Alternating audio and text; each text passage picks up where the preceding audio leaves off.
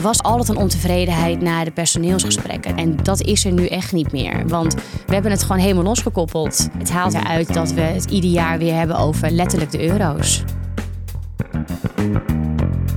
Dit is Werken aan Groei, een podcast van Indeed. Ik ben Jan Willem en in deze serie duik ik in het recruitment van de toekomst.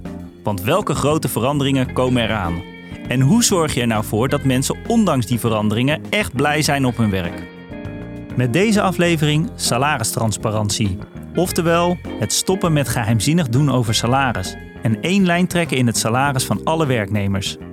Dat klinkt spannend, maar volgens Leonie Koelmans is het precies wat bedrijven nodig hebben. Zij is Finance HR Manager bij strategiebureau Elemental en heeft daar een transparant salarishuis opgezet. Ik heb Leonie uitgenodigd in de studio om alles te horen over dat systeem. Ze vertelt hoe werknemers worden ingeschaald, het belang van werkervaring en de stappen die werknemers kunnen zetten. Je hoort alles over de lessen die ze heeft geleerd en de vele voordelen die hierbij komen kijken. Welkom, Ja, welkom je. Leonie. Vandaag gaan we het hebben over salaristransparantie. Ehm, laten we eens beginnen met het begin, want wat houdt het nou in, salaristransparantie? Eh, voor ons houdt het in dat eh, als je bij ons komt werken, het startersalaris bekend is en het eindsalaris. En eigenlijk ook elke stap ertussen. Dus je weet eh, precies waar je aan toe bent. En iedereen weet ook van elkaar op welke stap binnen het salarishuis je zit. Dus eigenlijk weten we allemaal van elkaar wat we verdienen. We weten echt allemaal gewoon het bedrag in euro's wat we, wat we verdienen. Ja, bij de lancering van het salarishuis hebben we echt alle bedragen gewoon op groot scherm opengegooid, inclusief de founding partners. Eh, dus ook zij waren gewoon eh, gepresenteerd met salaris achter hun naam. En ehm, daar hebben we wel wat in geleerd, want in het begin deden we elk jaar het opengooien van het complete teamplaatje. Maar dat haalde weer heel erg het gesprek over geld naar boven. Dus eh, nu communiceren we het wel als je bij ons start. Maar we herhalen het niet leuk eh, op het grote bord elk jaar. Maar je kan bij ons opzoeken wat iedereen verdient. Ja, En hoe was de reactie in de zaal toen het op het scherm kwam? goed. Maar wel ook, ik ga natuurlijk niet zeggen dat iedereen even blij was. Want er waren ook wat mensen die zeiden: Ik doe dit. En Pietje Puk naast mij heeft meer werkervaring, dus zit aanzienlijk hoger in het model dan ik. Maar ik vind eigenlijk dat ik ook eh, zo zou kunnen verdienen. Maar dan kunnen we wel volgens dit model heel goed uitleggen waarom je eh, op een bepaalde plek in het model staat. Omdat iedereen bij ons ingeschaald wordt op relevante werkervaring. En als je dan hem terugkaatst naar de persoon die het gesprek aanvraagt. Als jij zelf die werkervaring hebt opgedaan, zou je er ook voor gewaardeerd willen worden. En dan zou je dat ook terugzien. En waarom hebben jullie gekozen voor werkervaring? Ehm, omdat wij eh, ten eerste is het startersalaris ook bepaald op het opleiding die je hebt gedaan. Dus natuurlijk zit het opleidingsniveau daar ook in. Eh, maar wij zijn ervan overtuigd dat elke werkervaring die je opdoet... een mate van relevantie meebrengt naar de functie. Ehm, dus vandaar dat we altijd kijken, wat heb je gedaan? Dan hebben we het gesprek, hoe relevant is dan die werkervaring? En dat bepaalt je inschaling. Op die manier heb je niet gesprek over geld en over euro's, maar heb je gesprek over wat je gedaan hebt en wat je intrinsieke motivatie is en hoe toepasbaar de ervaring is die je hebt opgedaan voor de functie waarop je solliciteert. Dus eigenlijk haalt het voor mij heel het gesprek over geld eruit. Wij doen bijvoorbeeld niet aan handjeklap. Het is niet bij ons, oh, ik kom van 5000 en ik wil eh, naar 6000. Dus kunnen we middelen. Maar we kunnen alleen maar praten over hoe relevant jouw werkervaring is. En hoe we dat dan kunnen meenemen in het model en in jouw salarisberekening. Even terug naar het begin. Waarom zijn jullie er eigenlijk toe gekomen om de salarissen open en transparant te maken? Ja, nou, het is eigenlijk begonnen met toch wel een stukje onvrede over dat men dacht: er is meer te halen dan dat ik eruit haal. En eh, mijn buurvrouw naast mij of mijn buurman zal wel meer verdienen dan ik. Of is met werkervaring binnengekomen, dus heeft vast wel kunnen onderhandelen over het salaris. En ehm, nou, een van onze core methodieken is, is co-creatie. Dus wat we ook in het neerzetten van het model gedaan hebben, is eh, het team betrekken van wat, waar zit het hem nou voor jullie in, wat er misgaat in het huidige model wat we hebben, iets meer eh, ja, traditioneel. En daar kwam toch wel de onvrede uit over dat het niet weten wat mensen om je heen doen. En eh, vandaar dat we hebben gekozen, we gaan het gewoon opengooien. En het hele team was het daar ook mee eens en vond het eigenlijk wel leuk. Want sommige mensen hadden er al gesprekken over. Dus waarom het niet gewoon opengooien en, eh, en niet meer moeilijk over doen? Zolang je de salarissen kan uitleggen die men krijgt. En die kunnen we dus uitleggen, want het is gebaseerd ergens op. Het is niet een handjeklap geweest kan je ook uitleggen waarom bepaalde verschillen er zijn. Kun je dan ook vaste stappen maken? Ja, zeker. Uh, we hebben een lineair salarishuis, waar je dus dat startersalaris hebt en het plafond eh, zichtbaar is. En daartussen zit geleidelijke groei in salaris. Dus elk jaar krijg je de vaste stap erbij. En aan het begin van het jaar bepalen we vanuit de financiële situatie, kunnen we het aan, financieel gezien, om iedereen salarisverhoging te, te geven. En dan krijgt iedereen ook salarisverhoging. Uh, als dat toe wordt gezegd. En dan weet iedereen ook al in januari dat je op je salarisverjaardag, dus als je een jaar in dienst bent, steeds daarop, dat je een stap erbij krijgt. Dus er zit onvoorwaardelijke groei geleidelijk in het salaris. En is dat dan ook wel gekoppeld aan de prestaties van diegene? Nee, leuk. Uh, wij hebben het in eerste instantie helemaal losgekoppeld van prestatie, omdat wij geloven uh, bij Elemental dat je altijd je best doet en dat iedereen groeit op zijn eigen manier. De een groeit daar iets sneller in en de ander daar iets sneller in. Maar dat je groeit is uh, en je best doet, dat staat voor ons voorop.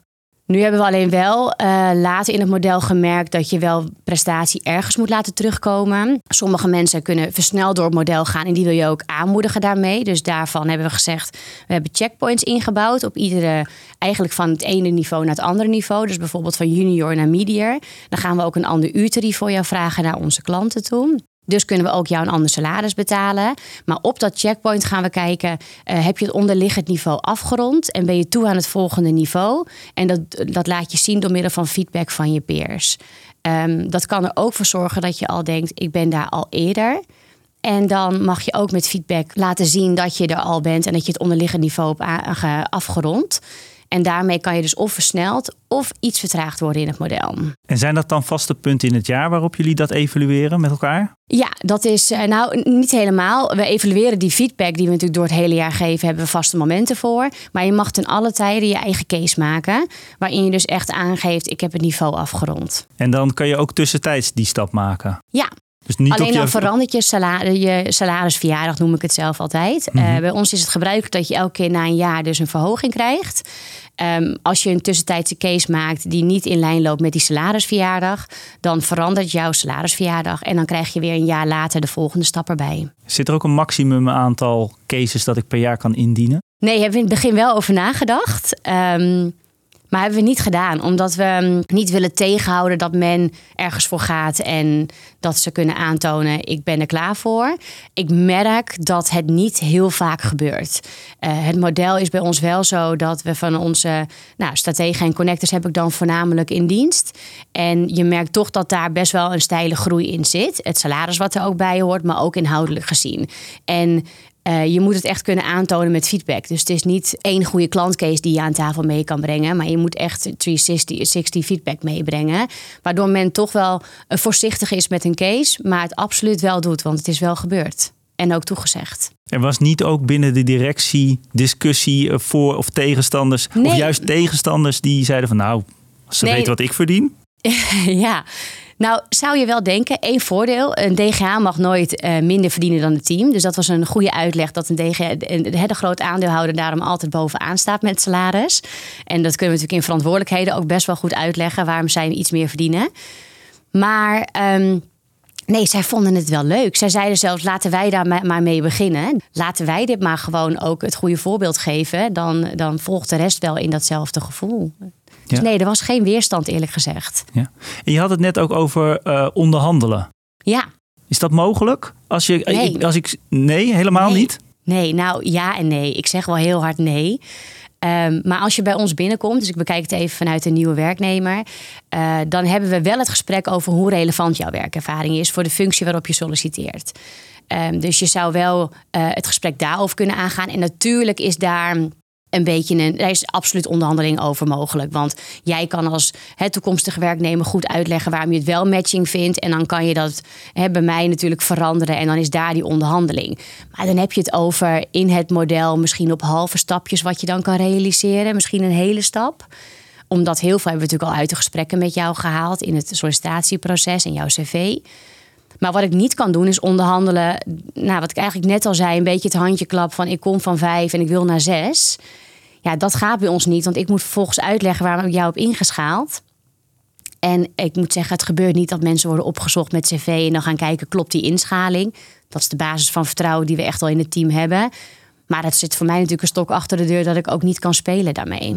Is die, eh, die werkervaring Ehm, die is dan gekoppeld aan die levels binnen die, uh, binnen die schaal. Ja. Um, heb je dan ook uitgeschreven hoe, uh, hoeveel werkervaring er dan is per level? Nou, het zit eigenlijk uh, nee, want we, als je bij ons één op één uh, relevante werkervaring opdoet, dus het is eigenlijk precies hetzelfde als wat je bij ons in de functie gaat doen, nemen we ook één op één mee. Dus dan is één jaar één stap binnen de vector waar je dan op binnenkomt. Maar als we zeggen, nou, het is een beetje 50-50, het is supportive werkervaring, dus het, het lijkt ergens wel op, maar het is niet één op één hetzelfde, dan nemen we het voor 50% mee in die vector. Dus dan wordt één jaar wordt een halve stap. Um, stel je hebt in de kroeg gestaan, maar wel na je studie. Je bent daar, weet ik veel, iets geweest. Dan zeggen we, nou, dat is wel opgedane werkervaring. Maar die is meer algemeen dan dat die echt supportive of matching is. Dan nemen we voor 25% mee. Dus dan is het een 0,25 stap. En zo tellen we al die rekenen, uh, rekenen we al die uh, werkervaring uit. En tellen we het op. En heb je een, een inschaling op het model. Helpt het jullie ook bij het werven van nieuw personeel? Ja, ik merk dat wel. Ik heb eh, heel veel gesprekken gehad met medewerkers al tijdens het sollicitatieproces. Ik heb bijvoorbeeld een topsporter gehad uh, die heel erg enthousiast over ons was, maar uh, topsportervaring had. Dus ja, niet matching. En dan merk je toch dat ook omdat je een eerlijk gesprek hebt over hoe het model bij, bij ons is ingericht, maar ook. Um, de eerlijkheid en gelijkheid die daarin zit, omdat ik dus niet kan spelen, dan vinden ze het heel vervelend. Je kan niet spelen met mijn salaris, want hè, wij kunnen niet middelen. Maar ze weten ook, ik kan ook niet spelen met andermans salarissen in de toekomst of in het verleden in het team. Dus het, het geeft een heel erg basis van eerlijkheid en vertrouwen dat het goed zit. En dat merk ik in de, de recruitingprocessen zeker. Is dat dan ook iets wat je aan het begin van zo'n gesprek sollicitatieprocedure uitlegt? Grappig genoeg niet. Jij zegt dat nu, dat ga ik morgen wel doen. Uh, want ik denk dat dat absoluut helpt. Um, ik denk wel dat mensen die naar Elemental toekomen, niet voor het salarishuis naar ons toekomen, maar die komen echt voor onze missie en onze purpose. Uh, dus het is nu niet een van de unique selling points die ik al aan het begin erin gooi, maar het is zeker zodra het gesprek erover gaat, merk ik heel veel positieve reacties. En het staat natuurlijk groot op de website, want we zijn er wel trots op dat we op een bepaalde manier met beloningen omgaan. En ik denk dat het ook later uh, pijnlijke gesprekken kan voorkomen. Dat je al een heel proces bent doorgegaan. Dan komt het gesprek over wat wil je verdienen. Ja. En dan blijkt het helemaal niet te matchen. Ja, nou kijk, het is natuurlijk wel een marktconform salaris. Dus een helemaal een, totale mismatch gaat het eigenlijk nooit zijn. Het is wel zo dat ik in de, zit in de consultancy business. Dus je hebt natuurlijk hele grote corporates waar echt mega salarissen worden geboden. Maar als je bij elementen gaat werken, ga je ook echt voor die intrinsieke motivatie. En wat ik al zei, de missie en de impact die we maken met onze klanten.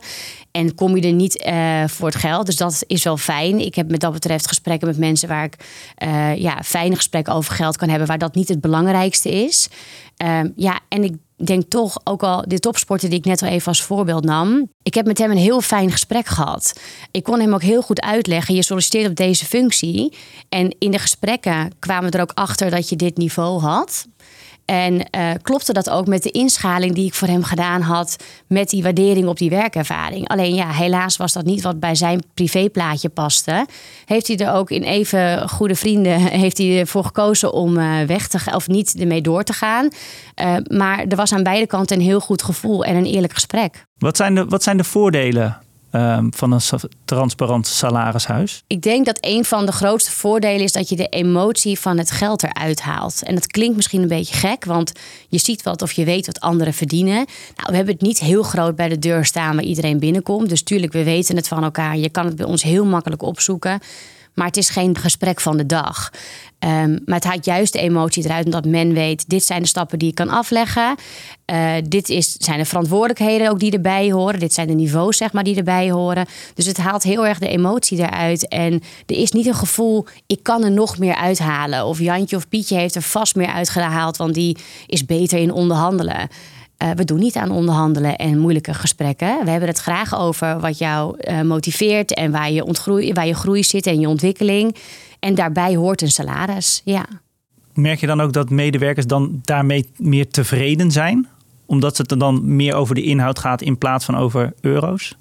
Ja, ik vind van wel. En dan, um, ja, ik denk van wel. Vooral waar we het heel, wat voor ons ook echt een omslagpunt was, als hè, de, bijvoorbeeld ook de partners, maar ook ik als HR die uh, bepaalde gesprekken deed. Um, er was in december altijd een ontevredenheid na de personeelsgesprekken. Terwijl wij het dan juist over jouw groei hebben en over jouw ontwikkelingen. Waar zitten voor jou de kansen in? En dan kwamen ze het gesprek uit en hadden zij de gebruikelijke stap. En ik wist aan de achterkant, dit is gewoon de stap die ze kunnen krijgen. Dit is wat we financieel ook aan kunnen als bedrijf.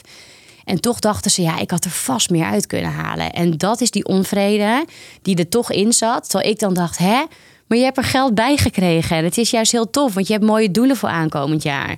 En dat wilden we echt heel graag veranderen. En dat is er nu echt niet meer. Want we hebben het gewoon helemaal losgekoppeld. Behalve dan op die niveaus waar we even kijken Ga je niet te snel of te langzaam door het model? Hè? Kunnen we je ook in bescherming nemen voor jezelf? Of kunnen we je helpen iets sneller te gaan? Omdat je gewoon meer verantwoordelijkheden oppakt. Maar het haalt wel uh, eruit dat we het ieder jaar weer hebben over letterlijk de euro's. Uh, lekt er daardoor ook minder energie binnen de organisatie? Ik, ja, dat denk ik wel. Wij zijn op dat moment ook zelfsturend gaan werken. Uh, wij zijn een uh, model Holacracy gaan aannemen. Dat heeft ons ook heel erg geholpen. Want dat is heel erg gebaseerd op vertrouwen, loslaten, uh, vanuit je eigen rol spreken, ondernemerschap. En dat, dat paste ons ook heel goed. Dus het is wel gepaard gegaan met nog een andere ontwikkeling die we aan zijn gegaan. Want dit is eigenlijk het eerste proces wat we zelfsturend hebben neergezet. Dus de partners hebben hier destijds in het designproces helemaal geen uh, aandeel in gehad. Zij hebben echt alleen financieel akkoord gegeven. Uh, maar ik denk zeker dat dit heeft bijgedragen. Ja, ja, dit was echt een van de eerste punten die op de agenda stond toen we zelfsturend uh, gingen werken. Dat we zeiden, dit moeten we aanpakken. Ik hoor heel veel mooie dingen. Ja, heel veel maar, hippe woorden. maar maar er moet iets zijn wat... Wat niet goed is. Wat niet goed eraan is. Ja. Is dat er?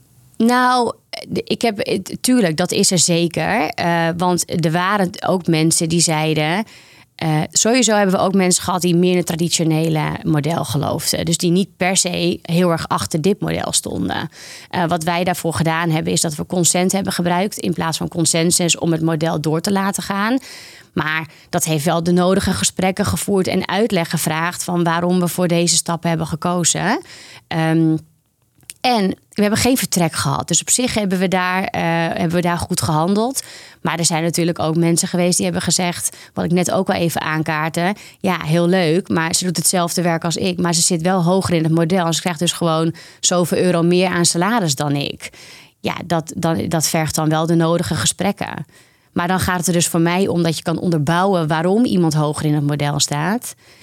En als je hem dan terugdraait naar de medewerker toe die het gesprek aanvraagt, dan kom je toch altijd wel eruit dat het oké is. Dus het bood weer ruimte om ontwikkelingsgesprekken te voeren. Ja, ook. Ja. Ja, en we zeggen niet dat leeftijd een rol speelt. Alleen hoe ouder je bent, hoe, vaak, hoe meer werkervaring je ook hebt opgedaan. Dus in die zin speelt het natuurlijk ergens wel een rol. Maar dat kan je dus wel uitleggen. En dan is het ga doen en uh, zorg dat je ontwikkelt. En kijk hoe je versneld ook door het model kan gaan als je daar behoefte aan hebt. Zijn er nog dingen waar je bent tegen aangelopen tijdens het invoeren? Ja, absoluut. Uh, zeker. Even kijken hoor. Uh, nou, dat de inschaling niet altijd even zwart-wit is. We hebben natuurlijk het hele team ingeschaald. En we hebben geen gesprekken met hen gevoerd in eerste instantie over hoe uh, relevant bepaalde werkervaring is. Dus uh, dat is wel wat je met nieuwe medewerkers doet. Dus dat zou ik nu achteraf eerder in het proces al meenemen om te kijken dat je gesprekken aangaat met hoe waardeer je dan die werkervaring voor iedereen. En um, voor ons is het ook het, het, financiële plaatje. We hebben ook destijds een benchmark gedaan. Dus ja, het had nogal een financiële impact. Waar we ook klaar voor waren en waar we ons bewust van waren. Maar ja, dat is natuurlijk wel een van de aspecten die belangrijk is om mee te nemen. Want waren er ook medewerkers die te weinig verdienden ten, ten opzichte van hun schaal of te, juist te veel? Nou, uh, ze waren eigenlijk niet uh, te hoog. Dus we hebben niemand stil hoeven zetten in het model. Want dat zou dan een reactie daarop zijn. Maar wat we wel hebben gemerkt is dat, hoe, uh, dat er wel wat verschillende stappen waren. Mensen die gecorrigeerd werden juist omhoog. En dat eigenlijk de mensen die wat langer bij Elemental werkten dat die een grotere stap erbij kregen. En dat had dus toch weer te maken, en dat was voor mij echt een eye-opener, dat ook wij deden, als je later binnenkomt, heb je meer ruimte om te onderhandelen, kom je op een ander niveau binnen dan dat je hier lager hè, binnenkomt en die groei binnen Elemental doormaakt. Dat, dat haalt dus heel veel uh, subjectiviteit uit het, uh, het proces. Ja. Um, wordt dus objectiever. Kwam je ook ja. achter verschillen tussen bijvoorbeeld salarissen tussen mannen en vrouwen? Nee, gelukkig niet. Uh, nee, dat was het echt niet. Het was bij ons vooral echt de, hoe langer je bij Elemental zat, hoe eigenlijk ja, toch iets langzamer je financiële groei was. Um, ik zag daar geen man-vrouw verschil. Nee.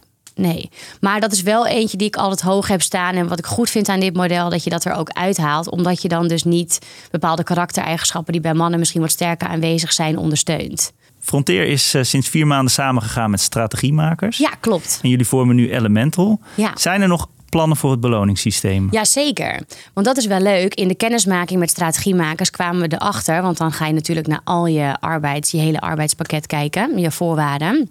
En ze hadden eigenlijk een vergelijkbaar salarishuis.